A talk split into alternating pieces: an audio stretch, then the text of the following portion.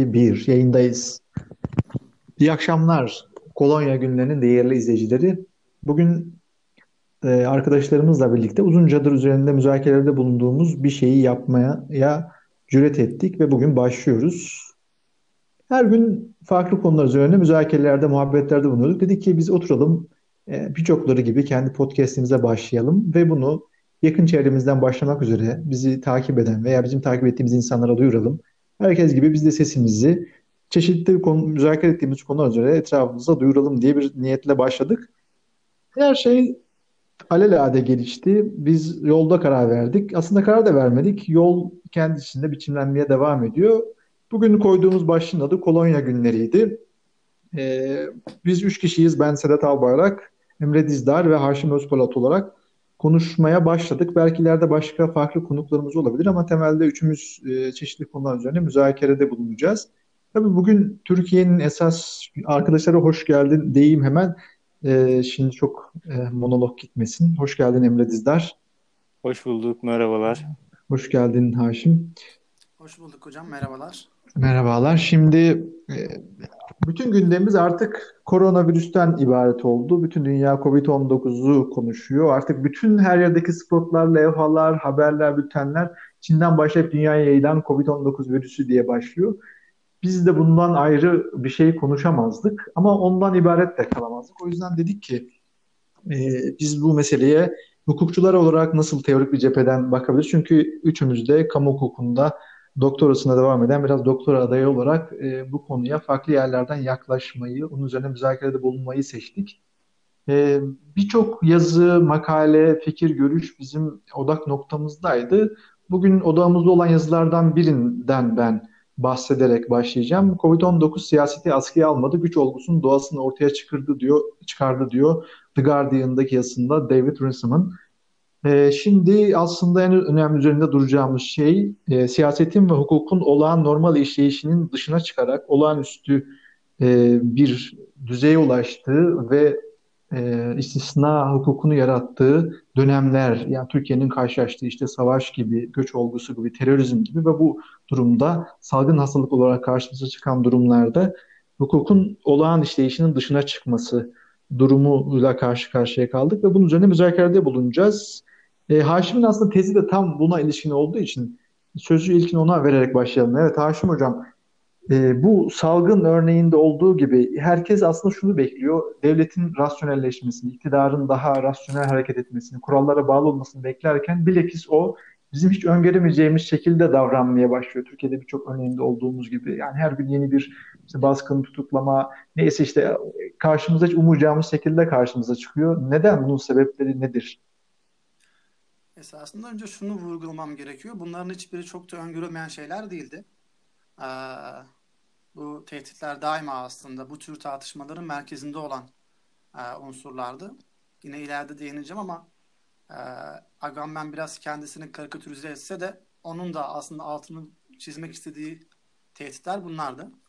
Ama ben doğrudan salgına gelmeden önce biraz daha geniş bir perspektiften salgının da içerisinde olduğu ve benim özetle afet diyeceğim ama literatürde işte felaketler e, veya acil durumlar olarak da nitelenen e, durumlar üzerinden biraz yola çıkıp bunun siyaset teorisinde e, nerelere oturduğu veya nere, nelere e, nerelere oturmadığı ve gelecekte e, ne tür yerlere oturabileceği veya ne tür boşluklar doğura, doğurabileceği üzerine biraz e, bir giriş yapmak istiyorum. Yani özetle felaket veya bizim acil durumlar dediğimiz şeyler bir anda beklenmedik şekilde ortaya çıkan ve acil müdahaleyi gerektiren durumlardır. Ee, tabii ki yine bir felaket olması için ortaya çıkan zararın belli bir seviyede olması gerekir. Ee, biz afetleri veya bu acil durumları ana olarak iki başlık altında ele alabiliriz. Bunlardan ilki tabii ki doğal afetler.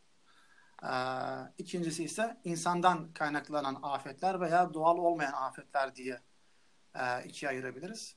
İnsandan kaynaklanan afetler savaş, terörizm, göç, soykırım, e, siber saldırılar eğer ciddi bir düzeye, ciddi bir düzeye ulaşırsa e, olarak sayabiliriz. Doğal afetler ise deprem, sel, yan, yangınlar, salgınlar, iklim krizleri, gibi e, e, doğadan kaynaklanan afetlerdir. E, bu doğal afetler daima bir anda ortaya çıkarlar ve e, en azından insanlık tarihinin önemli bir bölümünde kendisine karşı önlem alınması mümkün olmayan ve nadiren gerçekleşen felaketlerdi.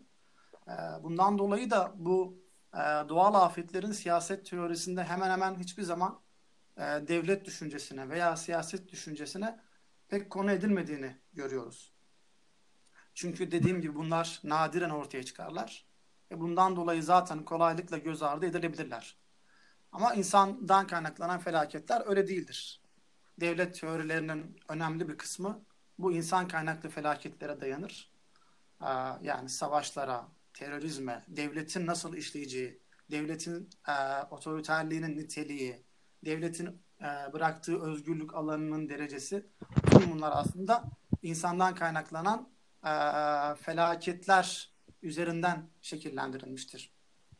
Örneğin Hobbes'un, Rousseau'nun veya Locke'un teorilerine baktığımızda e, doğa durumunda devletin kendisine karşı organize edildiği tehditler aslında daima insandan kaynaklanan tehditlerdir. Hmm. Yani güvensizlik durumunu oluşturan şeyler de tabii ki doğanın kendisi bir altyapı oluşturuyor olsa da e, bu üç önemli isim, devlet teorilerinin bu üç kurucu ismi devleti daima aslında insan üzerinden ana, e, yorumlamışlardır ve hiçbir zaman doğayı bir birinci aktör olarak ele almamışlardır. Hmm. Aslında biz şimdi yani, sen bu ayrımı yapınca hemen zihnimizde e, doğanın bir faktör olarak da daha, daha ilkel dönemlere gidiyoruz da modern devlet doğası için galiba bunu daha çok kastediyorsun değil mi? Ee, ya daha ziyade öyle ama şunu kastediyorum esasen. Ee, yani tabii ki devletin e, organize olmasına etkili olmuştur. Ama şunu kastediyorum. Örneğin küresel bir pardon bir terör saldırısı olduğunda devletler otoriterleşme eğilimine girerler. Ama bir deprem olduğunda bu olmaz. Hmm. Yani tabii ki devlet deprem insanların günlük hayatını etkiler. Ama esasen kastettiğim devletin o büyük niteliği, o siyaset düşüncesinin ana konularında doğa hiçbir zaman e, birincil bir konu değildir. E, daima devletin niteliğini, devletin siyaset teorisinin ana aktörü e, insanlardır. Ana tehditler de e, diğer insanlardan kaynaklanan tehditlerdir. E, şimdi bu küresel virüs meselesi e, bana acaba tabii ki bu çok erken bir yorum ve tabii ki spekülasyon olacak. Yani 6 ay sonra bunun hiçbir önemi de kalmayabilir. E, ama acaba bu küresel salgın e, bir farklılık yaratıp bir doğal afet olarak siyaset teorisinin ve devletin e, ana mekanizmasının e, belirleyicisi olan bir tehdide dönüşebilir mi? Soru işareti doğuyor bende. Hmm. Ee, Güzel. Haklısın çünkü herkes hiçbir zaman sistem işte kapitalizm olsun, ulus devletler olsun, işte bu Avrupa Birliği'nin varlığı için hiçbir şey eskisi gibi olmayacak derken aslında bu sorunun cevabını vermeyerek sadece bir kehanette bulunuyor. Ama dediğin tabii, gibi tabii yani entelektüel modalara kapılıp aha, evet evet yani entelektüel modalara kapılıp çok erken konuşmanın alemi yok. Ee, ama şimdi ben daha önce felaketleri ikiye ayırmıştım. İnsandan kaynaklanan ve doğadan kaynaklanan diye. Şimdi yine müsaadenizle ikiye ayırmak istiyorum. Ee, yine felaketleri ben olağanüstü durumlarla sınırlı kalan felaketler ile olağan yaşamda da varlığını sürdüren felaketler olarak ikiye ayırmak istiyorum. Yani deprem, savaş, sel, yangın, yanardağ patlaması gibi felaketler ki bunların bazıları insandan kaynaklanan, bazıları doğadan kaynaklanan. Bunlar belli bir zaman ve mekanda gerçekleşirler ve sona ererler. Sorun çözülünceye kadar politikanın kendisi askıya alınır. Yani demokrasi askıya alınır ve sorun çözülünce de demokrasiye geri dönülür. Yani bir deprem olmuştur. Deprem 5 dakika sürer. Sonra depremin bir etkisi olur. Ee, bu depremin e, önemli etkileri ortadan kaldırılıncaya kadar o hal ilan edilir. Fakat bu etkiler ortadan kaldırıldıktan sonra deprem artık bir tehdit olmayacağı için insanlar olağan yaşamlarına geri dönerler. Politika tekrar geri döner. Demokrasi tekrar geri döner. Ee, olağan e, üstü dönemle, olağanüstü durumlarla sınırlı kalan felaketlerin hmm. böyle bir hmm. özelliği var. Olumlu bir özelliği var. Ancak e, ikinci başlık ise aslında İkinci başlık şu. Ee, olağan yaşamda da varlığını sürdüren felaketler var bir de. Ee, bunlar e, örneğin terörizm, örneğin iklim krizi veya eğer bu salgın 3-5 ay veya 6 ay sürmez bir şekilde hayatımızın olağan bir parçası haline gelirse veya bu salgın olmaz, ileride başka bir salgın benzer bir şeye dönüşürse bu salgın da e, olağan dönemde varlığını sürdüren felaketlerden biri haline gelecek. Peki bu ne anlama geliyor? Şimdi şunu biliyoruz. E, felaket durumları acil müdahaleyi gerektiren durumlardır. Bundan dolayı depolitize edici bir etkiye sahiptirler.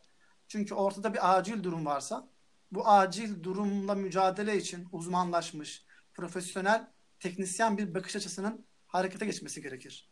Yani biz savaş içerisindeysek düşmanla nasıl mücadele edeceği sorusu, mücadele edileceği sorusu askeri uzmanlığı gerektirir ve bu dönemde demokratik tartışmaya açık değildir bu durumlar. Çünkü biz bu çünkü biz savaşmayı bilmiyoruz. Savaşmayı askerler bilir ve biz savaş zamanı demokrasinin askıya alınmasını hoş karşılarız. Veya deprem zamanı veya sel zamanı. Çünkü orada hızlı bir çözüm için, etkili bir çözüm için hiyerarşi gerekir, hızlı karar alma gerekir. E, demokratik e, düşüncenin ortadan kaldırılması gerekir. Ancak olağan yaşamda da varlığını sürdüren doğal afetler var bir de. Şimdi temel sorun şu. E, bu felaketler bir şekilde bizim hayatımızın parçası olarak yaşamaya devam ediyorlar. E, bunlar felaket olduğu için bir teknisyen bakışı gerektiriyor. Fakat bir yandan da biz e, olağan hayatımıza devam ediyoruz. Şimdi olağan hayatımızda bize gerekli olan demokrasiyle bu afetle mücadele için gerekli olan teknisyen bakış, profesyonel bakış veya otoriter bakış arasındaki uzlaşmayı nasıl sağlayacağız? Biz küresel terörizm meselesinde bunun sıkıntılarını uzun zamandır çekiyoruz. Çünkü devletler e, olağan yaşamın içerisinde her gün, her zaman ortaya çıkabilecek bir tehdide karşı daha sert bir yapılanmaya gidiyorlar ve bir şekilde bizim hayatımızı da kısıtlar vaziyete geliyorlar. Bu zaten aslında Agamben'in uzun, zamandır altını çizdiği bir şeydi. Ee, iklim krizi de aslında benzer bir süreç geçirdi. Çok cılız da olsa bir şekilde e, bu tehdit de hem devletleri hem de dünya siyasetini şekillendirmeye başladı. Çünkü o da teknisyen bir bakışı gerektiriyor. O da aslında demokratik katılıma açık bir süreç değil. Çünkü ozon tabakası deliniyorsa insanların fikirlerinin çok da önemli olmaması gerekir. Ama bir yandan da e, ona şey yapmam, ona atmam gerekirse şimdi salgın da aslında benzer bir e, risk şeye dönüşebilir. Şimdi algı, Agamben bu salgını küçümsediği için biraz kendi kendi tezlerini e, önemsizleştirdi ve bazı insanlar da onun bu karikatürize ettiği salgın tezlerini onun diğer tezlerini de e, karikatürize ederek e, ortadan kaldırmaya çalışıyorlar. Ama adamın e, olağanüstü durumların olağanlaşması tezleri hala çok geçerli. Çünkü e, istediği kadar meşru olsun. Bir şekilde ortada bir sorun var. Bu sorunun çözülmesi için bizim bazı özgürlüklerimiz ortadan kaldırılıyor. Ve biz bunu meşru kabul ediyoruz. Ve bunu kabul etmekte haklıyız da. Çünkü bu salgına karşı demokratik değil, profesyonel, tıp konusunda uzman, karantina konusunda uzmanların bizi yönlendirmesine ihtiyacımız var. Ama soru işareti şu, temel soru işareti şu. Diyelim ki bu salgın 3 ay değil, 6 ay değil, 5 yıl sürdü. Veya benzer salgınlar çıktı. Ee, ve biz bir şekilde olağan yaşama geri dönmek zorunda kaldık. Bu durumda ne yapacağız? Yani bir yandan salgın riski var, afet riski var. Bir yandan bizim olağan hayatımız var. Afet tehdidinden dolayı profesyonel bakış açısı bir e, bakış açısı e, kullanılmak isteniyor. Fakat biz de olağan yaşamımız için özgürlüklerimizi istiyoruz. Demokrasiyi geri istiyoruz. E, bu durumda bunun ne yapılacağı sorusu ciddi bir soru işareti. Çünkü e, burada devlete ne kadar nasıl bir alan tanıyacağız?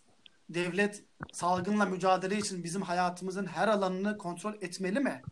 Yoksa salgın için bile olsa biz yani ve bu mücadele ömür boyu sürecek bazılarımız için.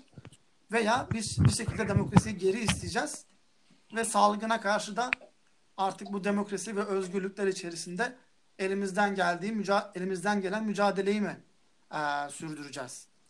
E, bu temel soru. Yani afete dönük profesyonel bakış açısıyla olağan yaşamın olağan yaşamımızda bize gerekli olan demokratik bakış açısı arasındaki uzlaşmayı nasıl sağlayacağız?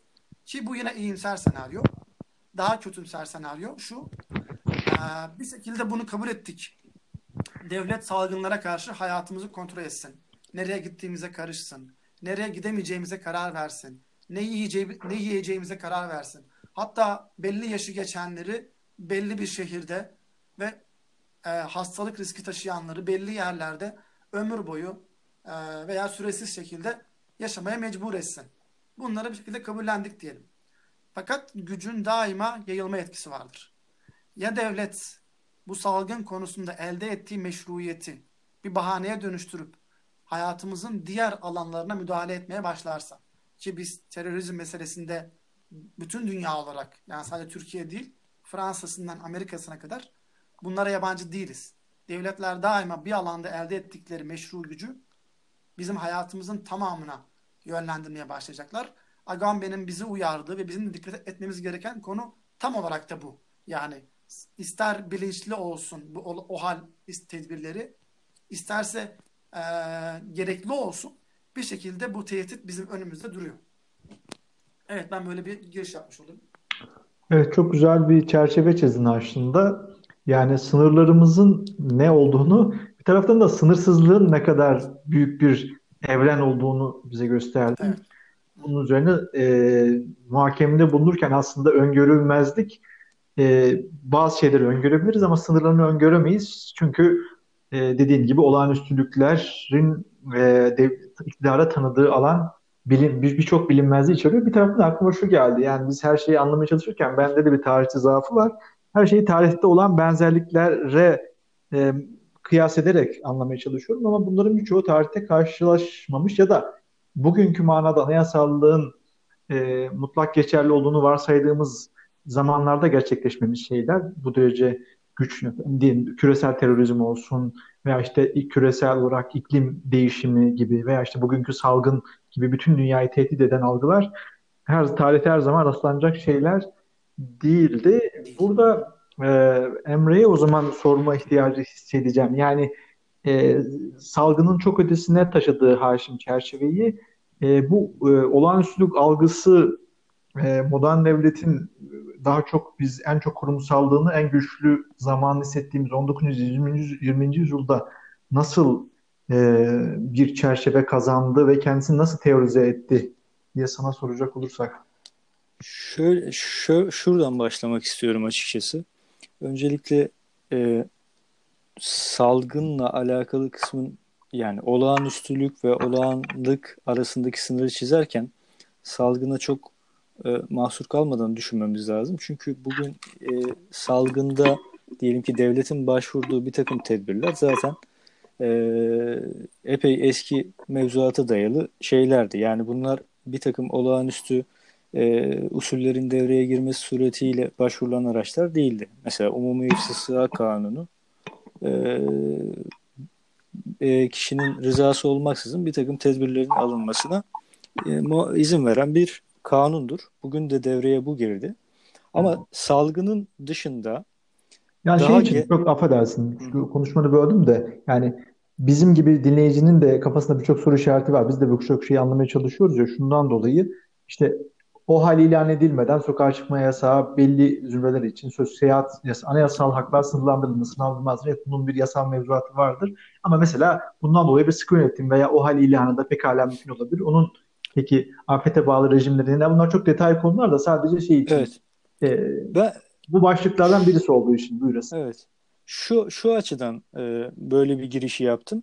Yani e, bizim bugünkü e, tabii şey tartışılıyor. Yani sokağa çıkmanın bugün itibariyle yasal dayanağının ne kadar yeterli olup olmadığı. Bunlar ayrı çok hukuki teknik mevzular ama bunların bir kısmı zaten olağan dönem mevzuatın içinde olan şeylerdi. Mesela bugün işte sıtmanın imhası hakkında kanun da var. O da geçerli yani. Onunla alakalı da yarın öbür gün sıtma yeniden e, ortaya çıkmış olsa onun içinde de bir takım bugüne kadar bizim e, liberal e, haklar anlayışıyla belki çok bağdaştırmakta zorluk çekeceğimiz bir takım tedbirler olabilir. İnsanlar bunları tabii zor dönemlerde daha kolay ikna oluyorlar.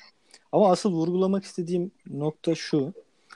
E, olağan ve olağanüstü arasındaki ayrımı biz bugün kanıksanmış bir biçimde olağanüstülüğü de bir hukuk rejimi olarak düşünerek yapıyoruz. Yani olağan bir hukuk rejimi var ve olağanüstü hale ilişkin bir hukuk rejimi var. E, sadece o ha, olağanüstü hale ilişkin hukuk rejimi burada bir takım geniş yetkiler tanıyan bir rejim. Şimdi bu doğru ama eksik. Bugün için doğru. E, olağanüstü halin de bir hukuka tabi olması e, belli ölçüde yine hukuk devleti dediğimiz konseptin liberal düşünce içinde ortaya çıkan bu konsept olağanüstü halle ilişkin de kurallar öngörelim burayı tamamen boş bırakmayalım diye ortaya çıkarttığı bir şey. Aslında paradoksal olarak şöyle bir şey var. Olağanüstü halde daha geniş yetkiye imkan tanıyan normlar aslında olağanüstü hali de e, hukuk, hukukla çerçeveleyelim diye ortaya çıkmış bir şey. Çünkü o normlar zaten olağanüstü halde olağan normlar eskiden insanlık tarihinde tatbik edilmiyordu. Yani orada zaten fiili bir tatbik edilmeme durumu vardı. Onun bütün o normsuz, çıplak, yasasız alanına karşı bu sefer modern hukuk düşüncesi bir anlamda olağanüstü hali de bir hukuk rejimi haline getirdi. Bu bir başarıdır yani bir açıdan. Yani Türkiye tatbikatını dan sarfı nazar ederek söylüyorum. Yani olağanüstü halin de bir hukuk rejimi olarak geniş yetki tanısa bile bir hukuk rejimi olarak düşünülmesi o anlamda insanlık tarihi açısından bir başarı. Çünkü o mesela çok basit bir örnek aklıma geldi söyleyeyim. Normalde bir insanın taşınırını alamıyorsunuz. Yani taşınmazını istimlak eder gibi taşınırı elinden alamıyorsunuz ama olağanüstü hal e, kanunumuz var mesela bizim. Diyor ki işte olağanüstü durumlarda bir vatandaşın ya da özel bir kişinin iş makinesine el koyabilirsin. Ve işte bunun karşılığını ödersin diyor. Aslında şöyle bir şey var. Yani olağanüstü durum olduğu zaman her devlet ona fiilen el koyacaktı. Ama bu norm onu belirliyor. Diyor ki bunu, bunun karşılığında da şunu yaparsanı öngörmüş oluyor. Onu da bir hukuk rejimi haline getirmek o açıdan bir başarı. Şimdi geçmişte hukuk düşüncesindeki olağan olağanüstü ayrımına baktığımız zaman bu biraz daha işte hukukun dışındaki bir alan anlamında e, bunu görmek lazım. Geçmişteki bu böyle. Şimdi Carl Schmitt mesela buna dair çok e, meşhur tanımını yapan, egemenliğin kendisini olağanüstü hale karar vermekle tanımlayan, tarif eden bir hukuk düşünürü. Onun buradan kastettiği şeyin e, şöyle e, açıklıyor kendisi.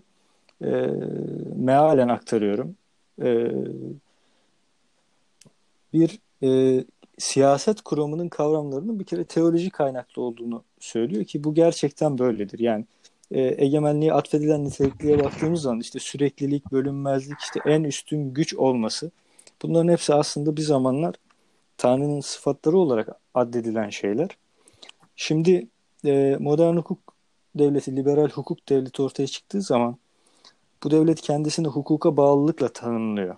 Ama diğer taraftan modern hukuk düşüncesi hukuku yaratanın da devlet olduğunu ileri süren bir düşünce. Yani aslında orta çağda hukuku yaratan te, asıl anlamıyla devlet değildi. Yani hukuk devlet bir ölçüde zaten diyorsun. E, tabii. Yani hukuk bir ölçüde işte dini kurumlar veya keşfedilen bir şeydi. Daha doğru tabir bu. Yani bir yine e, Alman literatüründe kullanılan bir ibare. Yani keşfedilen, bulunan bir şey. Nasıl dışarıda fizik dünyadaki kozmosa ilişkin yasaları keşfediyorsun. Hukuk da böyle bir dünya. Yani senin dışında, senin iradenden soyutlanmış bir normalını onu keşfediyorsun. Bu genelde de dini bir mantalite içerisinde, kendine göre bir usul içerisinde çıkarsanan bir şeydi.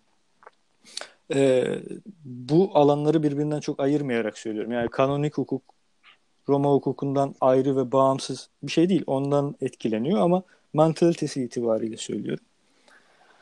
Şimdi Schmidt e, liberal hukuk devletini temelde şöyle eleştiriyor. Yani burada hukuk devleti istisnai hali de tanımayan, her şekilde devletin hukuka bağlılığını taahhüt eden bir anlayış aslında mucizesi olmayan bir tanrı gibi diyor. Bu da enteresandır. Hmm. Çünkü mucize fizik yasalarının istisnasıdır. Yani doğa yasasına Tanrı'nın istisna getirdiğini düşünür geleneksel teolojik öğretiler ve bunu temellendirmek için bir dizi farklı ekoller, e, farklı görüşler sunmuşlardır ama ama ana unsur şudur. Tanrı dünyayı yasaya tabi tutmuştur. Yasa ile idare eder ama kudreti yasanın istisnasını yaratmaya da e, müsaittir. Dolayısıyla bunu da zaman zaman yapmıştır. Belli gayelere dönük olarak. Şimdi Schmidt'in devleti tanımlayışı da böyle. Yasayı kuran da yasal, yasal düzeni kuran da devlet olduğu için ama egemenliğin asıl göstergesi o yasal düzeni kurmak değil. Bunun istisnasını da yapabilmek. Aslında bu iki edim egemenlik ediminin karakteristik özelliğini ortaya konuyor. Yani hukuk düzenini varoluşsal bir tehdit ortaya çıktığında ya da gerekli gördüğünde askıya alabilmesi. Bu bugün bize çok tedirgin olduğumuz bir düşünce gibi geliyor. Yani hukukun bunu askıya alabilmesi ve öyle de bir ölçüde. Yani e, bunu da kabul etmek lazım. Tedirgin olmakta da haklıyız. Ama bu bir tarafıyla da modern devletin işte e, kendisine içkin bir problem. Yani devleti koy, e, hukuku koyan da devlet olduğu için nihayetinde egemenliği e, ister istemez hukuktan hareketle tarif etmek totolojik bir şey oluyor. Yani hukuku da devlet koyuyor ama devleti de hukuktan hareketle tarif ediyorsun. Burada çok ikna edici olmayan bir şey var. Ama egemenlik teorisinin en azından Schmittian versiyonu diyor ki egemen olağanüstü hale karar verebilendir. Ee, bu şey gibi diyor yani işte liberal hukuk devleti tasavvuru da deistik kendi kendine sınırlayan bir tane. Şimdi devlet kendi kendine hukukla sınırlar diye bir görüş var. Aslında bu görüşü rasyonel izah etmen mümkün değil. Bunu da teolojiden hareketle bir kavramdan e, hareketle otolimitasyon denilen bir kavram. Kendi kendine sınırlama. Bunu bir varsayım olarak kabul etmezsen devletin kendini neden hukukla sınırlaması gerektiğini temellendiremiyorsun. Ha şuna katılıyorum. Meşruiyet diye bir şey var ve elbette ki toplumun toplum o yönetimin meşru olduğuna yönelik inanç taşıdığı zaman devlet e, devamlılık sağlar. Ama bu kuramsal bir temellendirme olmaktan ziyade bir pratik hayatın akışı içinde onun nasıl gerçekleştiğine yönelik bir tasvir. Yani devletler ancak meşru olduğunu gösterdikleri için devam ederler. E meşru olduğunuzu göstermeniz için de biraz yani haytut vesaireden ziyade onu bir hukuki bir kılıfa koyabilmeniz lazım meşru şiddet tekeli olması hmm. buradan kaynaklanıyor. Ama temellendirme noktasında baktığımız zaman e, toplumun onu meşru olduğuna yönelik inanç taşımasıyla bir temellendirme yapmamız da güç. E, böyle bir Schmitt'in o benzetmesini çok anlamlı buluyorum. Yani o deistik tanrı tasavvuru. Şimdi e, modern hukukun başında bu şu açıdan da var. Mesela Grotius e, esasen ilahi olanla irtibatlandırılmış doğal hukuk dünyevileştirilirken şöyle diyor yani Tanrı bu düzeni kendisi bile ihlal edemez.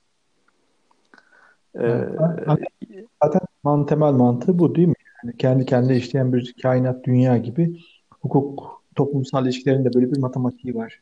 Tabii.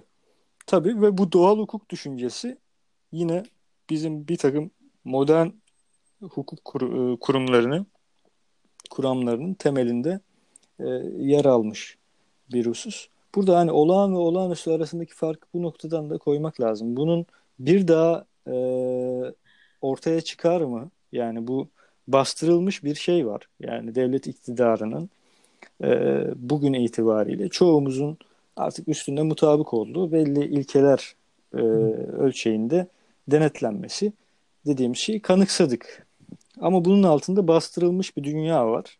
Hmm. O bastırılmış bir dünya devletin egemenliği öğretisi olarak yeniden ortaya çıkar mı? Buna şu cevabı verebiliriz. Yani atipik gelişmeler ortaya çıktığı zaman bu mevcut düzen insanların güvenlik ihtiyacını karşılamadığına kanaat getirildiği zaman elbette ortaya çıkabilir. Yani bugün itibariyle e, liberal bugünkü anlamda işte devletin sınırlandırılması vesaire gibi düşünceler İkinci Dünya Savaşı sonrasının böyle ortak hakim paradigmasını teşkil eden şeyler. Yani ha, iki savaş E, bu bütün distopya literatüründe işte korkulan şey demokrasinin sonlanması, hukukun askıya alması, alınması, işte monarkvari otoriter rejimler. Aslında biz İkinci Dünya Savaşı sonrasında işte Batı liberalizminin yükseldiği ve bu liberal demokrasinin onamlandığı bir çağın içine doğduk. Ve Evet. bunun doğurduğu e, hak ve hukuk kavramının içindeydik. İnsan hakları diskuru da bunun içine neşet etti. O yüzden biz bütün her şeyi bunun bu literatür etrafında algılamaya çalışıyoruz. E, ama bu kavramların çoğu ortaçağ kökenli, modern devlet bilahare ve çoğu da 19. yüzyılda tam olarak e, anlamını kazanmış e, mefhumlar. E, dediğin gibi aslında kavramın geçmişine yolculuk çok iyi. İşte bir taraftan da olağanüstülükler çağını ifade ediyor 19. yüzyıl. Çünkü devrimler var, toplumsal hareketler, savaşlar, işgaller, bağımsızlık hareketleri. E, aslında iki Dünya Savaşı'ndan sonra uzun süre stabil bir coğrafyadan bahsediyoruz değil mi? Evet. E, tekrar e, bilhassa 11 Eylül sonrasında küresel terör, e, ulusal sınırların yükselişi e, ve şimdi başka problemler, iklim, e, göç gibi dalga dalga yükselen başka problemler ke- tekrar bu kavramların özüne yolculuk e, etmemizi sağlıyor. E, şimdi Haşim Hocam'a biraz e, burada belki Türkiye'nin de en çok başat problemlerinden birisi olduğu için ona yönelerek soracağım. Yani bilhassa e, 12 Eylül'den sonra ülkenin en büyük problemlerinden birisi terör haline geliyor ve bu da hukuku biraz onun incelediği Anayasa Mahkemesi üzerinde zorlayan bir başlık haline dönüşüyor. Buradaki e, olağanüstülük algısı Türkiye'de hukuku nasıl şekillendirdi son 40 senede? Buna dair ne söyleyebilirsin Haşim Hocam? Yani ben esasında Emre'nin söylediği şeylere bir katkı eleştiri Oradan devam edelim. kendisi Buyurasın. kabul ederse katkı yapmak istiyorum. Tabii. Aa, şimdi ben Emre'nin dediği şeylere katılıyorum. Olağanüstü durumlar ortaya çıktığında tabii ki olağan hukukun askıya alınıp devletin bu olağanüstü durumlara karşı etkili mücadele etmesi için farklı yöntemler belirlemesi doğaldır. Ama Schmitt'in muhtemelen çok erken olduğu için fark etmediği ama aslında çağdaşı Benjamin'in fark ettiği ve bizim bugün artık ciddi şekilde yüzleştiğimiz bir başka durum ortaya çıktı.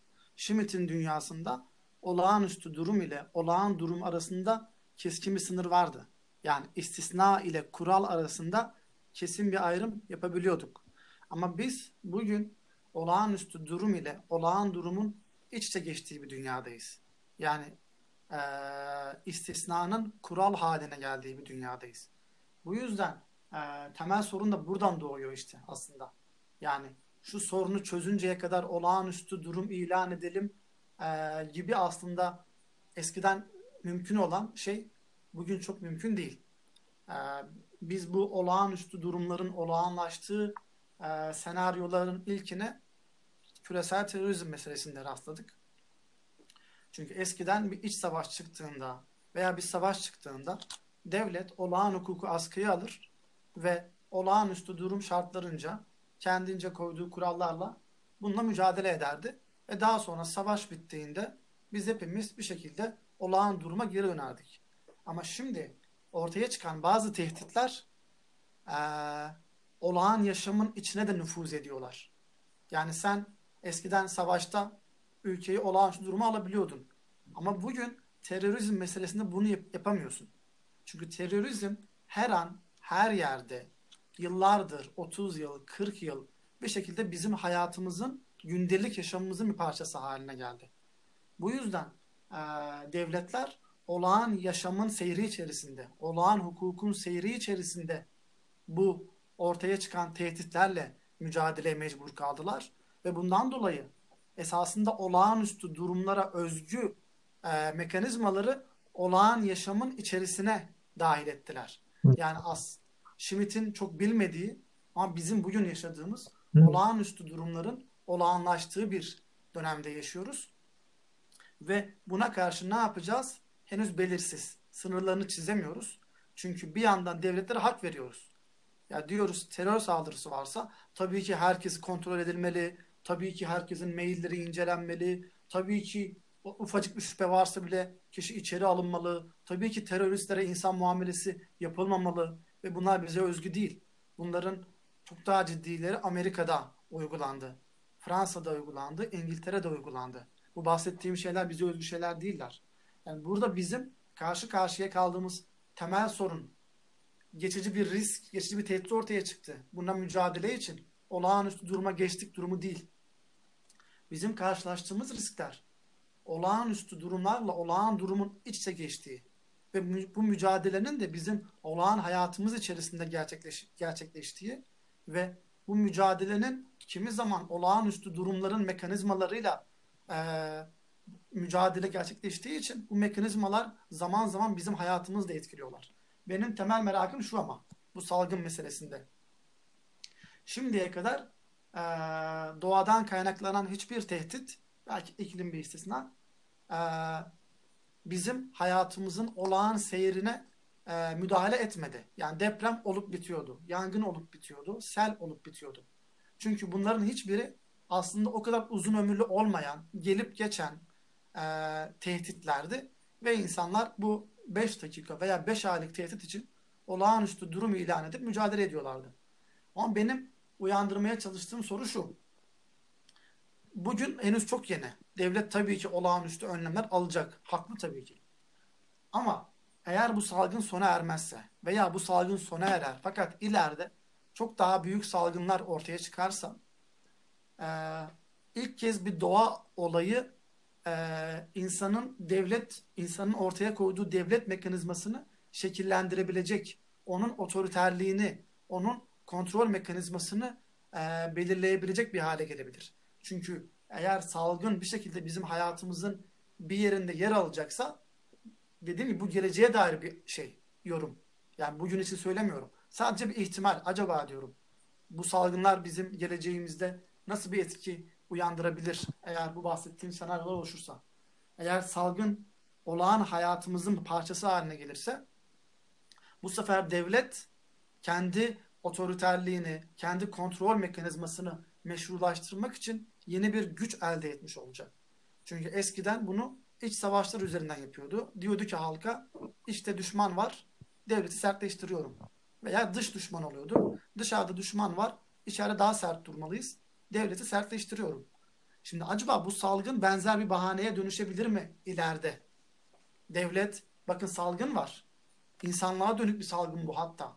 Bu yüzden sınırları kapatıyoruz. Şehirden şehire geçiş e, kontrollü olacak. Bir şekilde insanları tedbirsizliğe iten her yorum e, düşman faaliyeti ilan edilecek.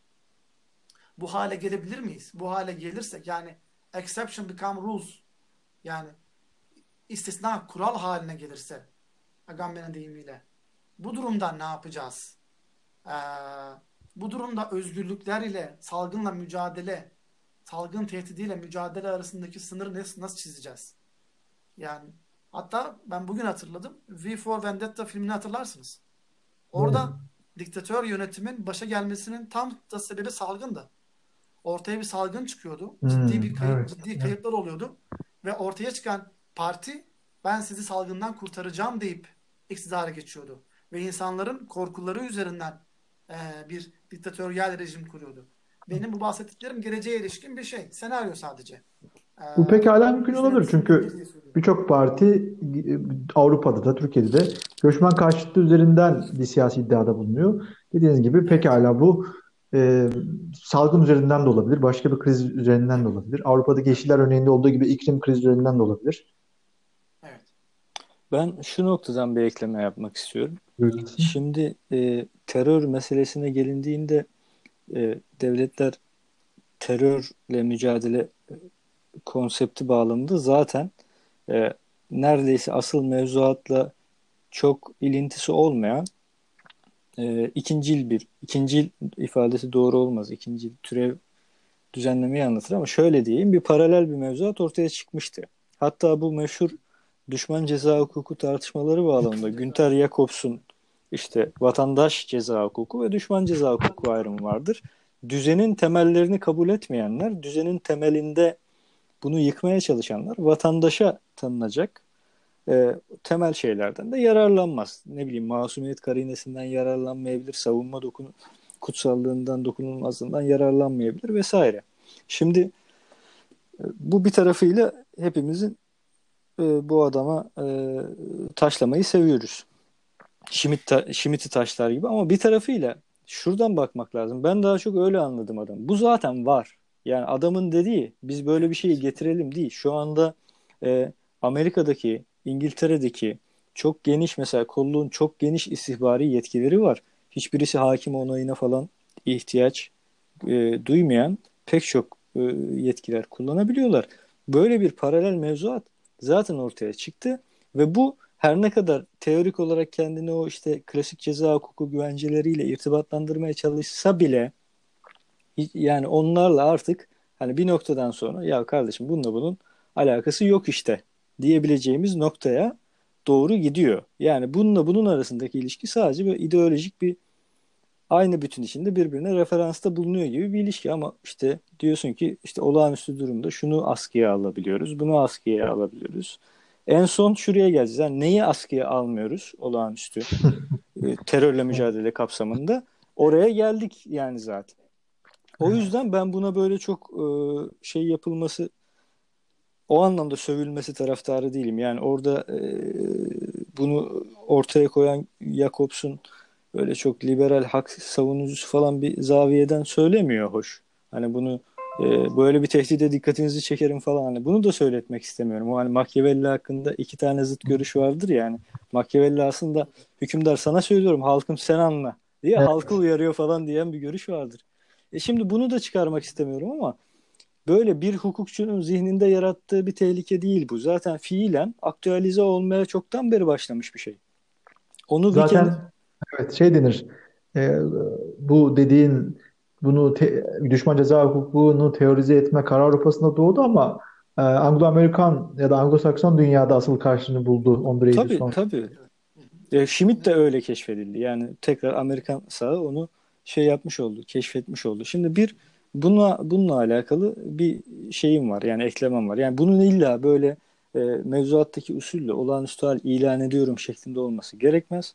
Şimdi olağan ceza hukuku güvenceleri dışında başka bir şey yaratıyorsanız yani olağanüstü muhakeme usulü yaratıyorsanız, olağanüstü yetkiler tanıyan mevzuat yaratıyorsanız. Şimdi biraz somutlaştırmak için şöyle bir örnek vereyim. Maksadımı ifade ediyor. Olağanüstülük ne demektir? Yani ne, ilk aklımıza ne gelmesi lazım olağanüstü e, ha, şeyde? Benim aklıma şu geliyor. Demirel ile alakalı bir anekdot anlatılır. E, Demirel işte CYT askeriyeden terörle mücadele konusunda bazı talepler var. Demirel'in şöyle dediği rivayet ediliyor. Ne kadar doğru bilmiyorum. E, bakın paşalar diyor. Yani takrir sükun kanunu çıkarttırmam.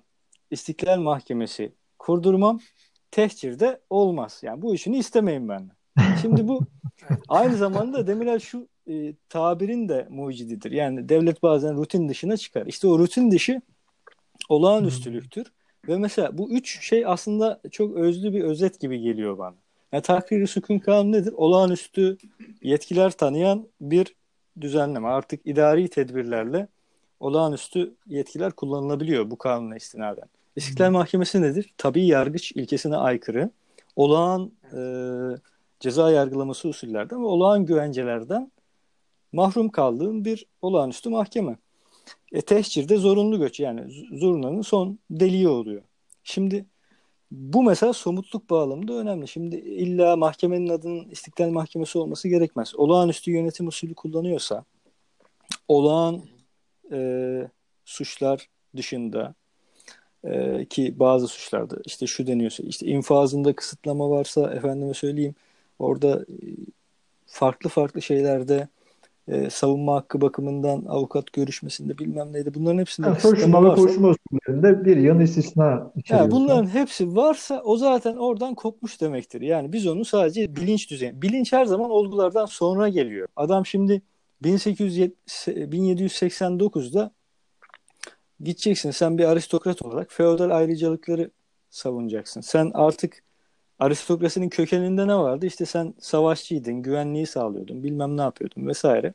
Artık onların hepsi geç, geç gitmiş. Yani onun ekonomi politik temeli çökmüş. En son bilinç düzeyinde artık feodal ayrıcalıklar işte birisi devrim yapıyor.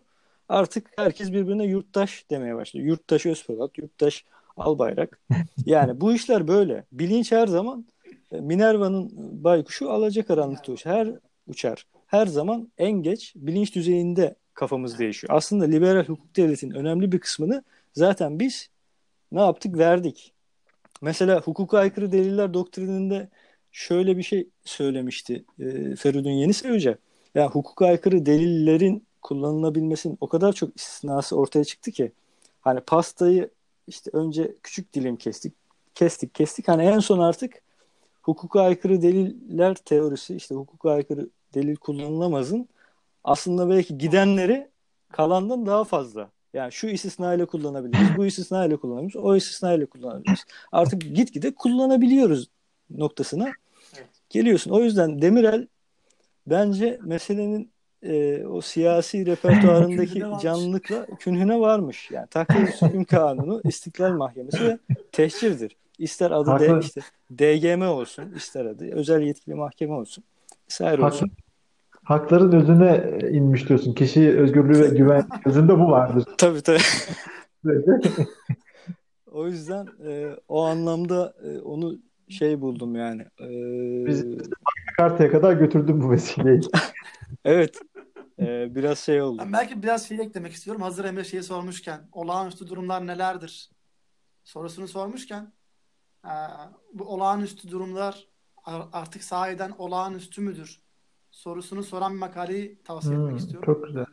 Güncel e, evet. şey mi? Ba- The Banality of e, şey mi? Yok Öyle değil. Bir... Evil değil.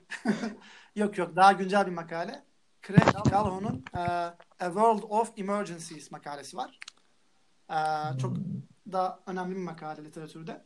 Şeyi anlatıyor esasen. Bizim 20-30 yıldır acil durum dediğimiz, emergency dediğimiz durumlar aslında artık o kadar da emergency değil. Yani 20 yıllık acil durum mu olur? Bu artık hayatımızın bir parçası. Fakat biz bunlara emergency diyerek aslında bunların eski alanını depolitize edip orada e, politik tartışmaya açık olmayan bir e, yönetim sürdürülmeye çalışılıyor küresel düzlemde. E, bu makaleyi tavsiye ederim. Şeyi bahsi geçmişken. Nedir olağanüstü? Şimdi sen demin anlatırken bir şey daha aklıma gelmişti. Konuşurken unuttum şimdi tekrar aklıma geldi. Şimdi biraz her şeyi de e, şöyle e, konuşur gibi olduk. Onu bence açmamız lazım. Şimdi diyor hep devleti düşünüyoruz. Devletin karşısında evet. bireyi düşünüyoruz. Aslında bu e, böyle baktığımız zaman diğer koşullar ceteris paribus sabit varsaydığımız için böyle düşünüyoruz. Mesela hı hı. Salgının ben çok uzun devam edeceğini düşünmüyorum bir şekilde. Bu ben, ben iyimser olduğumdan da kaynaklanıyor olabilir ama velev ki uzun devam edecek olsa. Asıl düşünmemiz gereken şey devletlerin de içinde bulunduğu sistemin kendisi. Şimdi Karl Marx e, o meşhur tezlerini ortaya koyarken mesela üretim fetişizmi diye bir kavram ortaya koyuyor. Kapitalizm neyi başardı? Çok yaygın bir sürü malı standart bir şekilde ucuza üretebilmeyi başardı. Fordizm eskiden, yani. Tabii. Eskiden neydi bizim problemimiz? Kıtlıktı. Yani bir malın olmamasıydı. Biz eskiden hep arz kısmında sıkıntı çekiyorduk. Mesela Osmanlılar e, ithalatı teşvik etmişler. İhracata daha yüksek gümrük koymuşlar. Neden? İçerideki mal dışarıya gitmesin. Yani kar güdüsüyle bu tüccarlar dışarıya çok fazla satamasınlar. Çünkü en korktukları şey kıtlık. Ekonominin arz tarafı gedikli. Şimdi ama ne oldu? Kapitalizm çok iyi bir üretim sistemiyle yani iyi derken şey güzel ahlaki olarak süper anlamında iyi değil ama etkili bir üretim sistemiyle arz problemini çözdü. Büyük bir e, üretim yapmaya başladı. Marx'ın üretim fetişizmi dediği şey buna tekabül ediyor. Ama bu sefer şöyle bir şey çıktı. Yani kapitalizmin ortaya çıktıktan sonraki krizler iktisatçı olmamakla birlikte çoğu zaman şunu görüyorum talep kısmı ile alakalı krizler. Yani bir takım sen her şeyi istediğin kadar üret. Talep noktasında bu sefer bunalım çıktığı zaman domino etkisiyle pek çok insana etki ediyor. Çünkü herkes birbirine bağlı. Yani sen ürettiğin malı da satabilmen lazım. E sen ürettiğini satamazsan kredi aldığın finans sistemi zora giriyor. Finans sistemi zora girince başka başka unsurlar zora giriyor vesaire. Hepsinin domino etkisi var. Şimdi küresel sistemin e, şu anda rutinin dışına çıktığımızda ilk neyi hissettik? Artık talepler bir anda çakıldı değil mi? Mesela Türkiye'de en önemli sektör hizmet sektörü iken artık hizmet sektörü iş yapamaz hale geldi. E, iş yapamazsa. Evet. Şimdi kısa vadeli bir takım tedbirler alındı. Dünyanın her tarafında da böyle bu. E, uzun vadeli olarak bu insanlar iş yapamazsa pek çok insan da işsiz kalacak. E, işsiz kaldıkları için düşen talep belki bir kat daha birkaç kat daha düşecek. Çünkü cebinde para olması lazım ki harcayabilesin. Şimdi talep bunalımını çözmek için Keynes bir takım şeyler getirmişti. Yani dedi ki artık lüzumsuz bile olsa 3 kişinin çalışacağı yere 5 adamı işe alalım ki adamların cebine para girsin. E, ekonominin de can damarlarında bu kan devareyan etsin. Şimdi bir de işin bu boyutu var. Yani hep biz işte devlet ve birey gibi düşündüğümüz sistem içinde aslında devletler de bir sistemin içinde sistemik unsurlardan birisiler. Hatta mesela e, tek kutuplu devlet e, dünya düzeninin getirdiği bazı etkiler de bugünkü problemleri pekiştirdi. Mesela küresel terör diyoruz. Amerika Afganistan'a müdahale ediyor. Bu adamlara bu adam hangi hukuku uygulayacak o bile belli değil. Şimdi e, milletler arası çatışma, silahlı çatışma hukuku uygulası, esir muamelesi yapması lazım. Bu bir savaş şeyidir, diskurdur ama hiçbirinde böyle bir savaş yapmıyor. Adam diyor ki ben küresel çapta terörle mücadele ediyorum diyor. Dünyanın inzibati, polis kuvveti gibi davranıyor. Aslında Schmitt'in eleştirdiği şeylerden birisi de budur. Bunu çok önceden görmüştür. Yani e, diyor ki hani bu işte biz e, devletin kendi düşmanını tayin edebilmesi vesaire üzerinden bir siyaset tarifi yaparken e, bütün o egemen devletler arası e, düzenin e, bir anlamda olumluyor. Yani Westfalya'dan sonra kurulan şeyi. Çünkü bu aynı zamanda da şiddeti sınırlayan bir şey. Yani siz silahlı çatışma hukuku uyguladığınız zaman e, artık şiddetin ucu bucağı açık değil. Şiddeti sınırlıyorsunuz. Yani o bir insanlığın kazanımı. Westfalya'dan sonra o noktaya getirmişler adamlar. E, e şimdi Amerika'nın tek kutuplu hale geldiği yerlerde böyle bir sınırlandırma vesaire yok. Adam silahlı çatışma hukuku uygulamıyor ama bir başka ülkeyi işgal ediyor. Orada asker bulunuyor. Bunun bir hukuku yok. Çok enteresan bir şey vardır. Mesela hem şimdi ulus ötesine geçtiğimizde bu kozmografyada atmosfer geçtikten sonra zaman kavramının değişmesi gibi yani olağan işte Ceteris Paribus burada imkansız hale gelecek. Ya haklısın e, belki e, bu Schmidt olarak değerlendirmeye devam edeceğiz ama ulus ötesini konuşmaya başladığımızda hiç, olay daha açmaz bir e, boyuta bürünecek muhtemelen. Evet. Son cümleyle o zaman tamamlayayım tamam. ben e, şeyi. E, Schmidt'in çok enteresan bir tespiti vardı. Diyor ki şimdi bu e, mesela Britanya'nın sömürgesi aslında Hindistan'da Britanya'nın kendisinden daha fazla adam var. E, bu iç hukuka göre yurt dışı, uluslararası hukuka göre yurt içi sayılıyor. Mesela o zamanın hukuk evet, konseptinde. Aha. Şimdi bu tip çarpıklıklar da dünya sistemini işgal etti. Onu da e, hesaba katmaksızın sadece birey devlet arasındaki ilişki üzerinden bakmak bana çok e, doğru gelmiyor. İktisat konusunda da işte şerhime koyuyorum. Orası tamamlanmadı. Belki başka zaman şey yaparız, konuşuruz. Çok haklısın. E, aslında bizim tabii burada bütün bunları değerlendirirken sürekli dediğin gibi e, birçok değişkeni sabit kabul ederek yapıyor. Çünkü bir yerde sömürgeciliğin bir de çok e, sonlanmasının hikayesinin nereden baksak 30-40 yıldır sömürgeciliğin yani fiili sömürgeciliğin sona erdiği bir çağdan bahsediyoruz. Yoksa o şekilde değerlendirdiğimizde ulus devlet hukukunun bile Cezayir Savaşı için de aynısının dediğine benzer bir durum söz konusu. E, bir taraftan iç işleri ama diğer taraftan oy hakkı vermiyor vesaire. E, böyle olunca olay çok daha büyük bir cesamete bürünüyor ama biz bunu ulusal hukuk bazında olağan hukuku, olağan usulü değerlendirmeye devam edeceğiz. Yaklaşık bir saat oldu. Ben Yayına devam mı edelim yoksa e, de, devamın Aha, tamam sen doğru senin söyleyeceklerin var Haşim. Onları da alalım. E, onları aldıktan sonra e, siz toparlayabilirsiniz. E, Benden devam edelim. söylediklerine bir katkı olarak. Çünkü, evet, güzel nokta. Şimdi e, uzun zamandır yani belki bunu altı diyebiliriz. Belki buna Suriye meselesinden beri diyebiliriz dünyada bir şekilde küreselleşme yanlarıyla daha e, daha sınırlılar yanları arasında bir çatışma söz konusuydu. E, Trump'ın Amerika'da işte İngiltere'de Brexit meselesi, e, Türkiye'de Erdoğan, Macaristan'da Urban, Polonya'da PS hükümeti veya İtalya'da İtalya hükümeti e, tüm bunları düşündüğümüzde aslında uzun süredir küreselleşme karşıtlarının bir zaferi söz konusuydu. E, ve bu salgın meselesi bu küreselleşme karşıtlarını daha da güçlendirecek gibi. Çünkü bunlar bu küreselleş küresel dolaşımın rahatlığı üzerinden kendi sınırlarını daha da kapatma eğilimine gireceklerdir.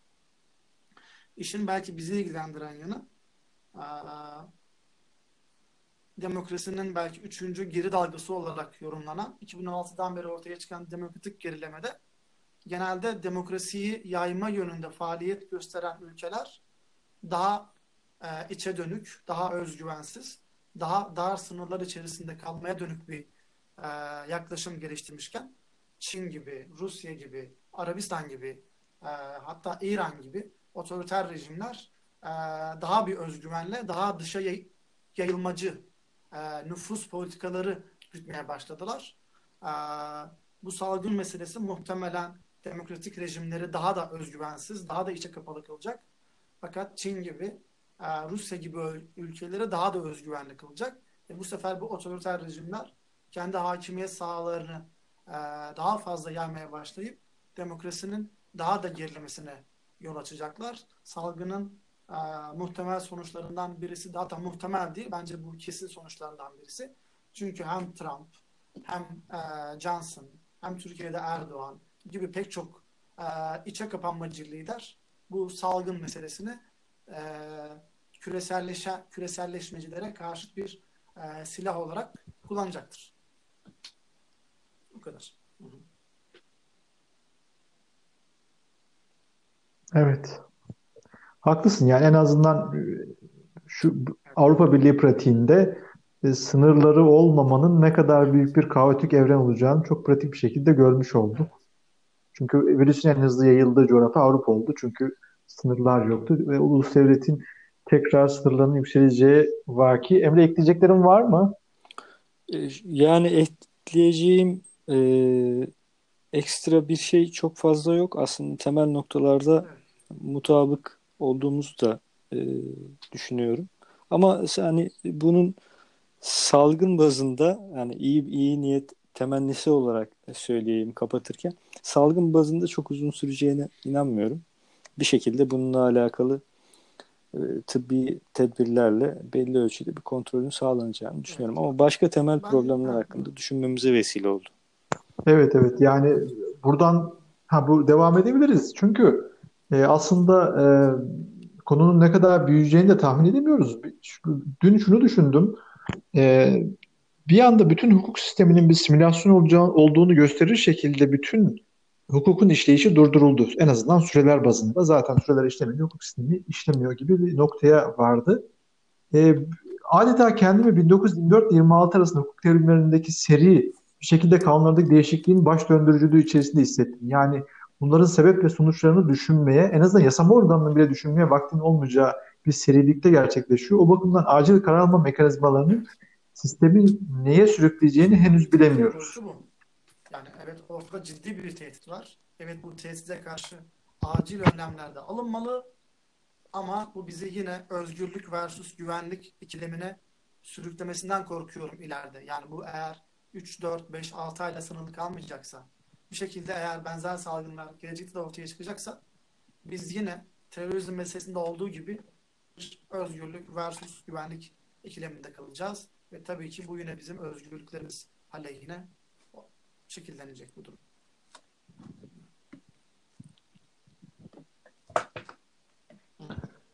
Evet buradan ikinci programımıza devam ederiz. E, çünkü konuşulacak çok fazla husus var. Herkes zaten söyleneni söylüyor. Biz burada istisna üzerinde konuşmaya çalışıyoruz.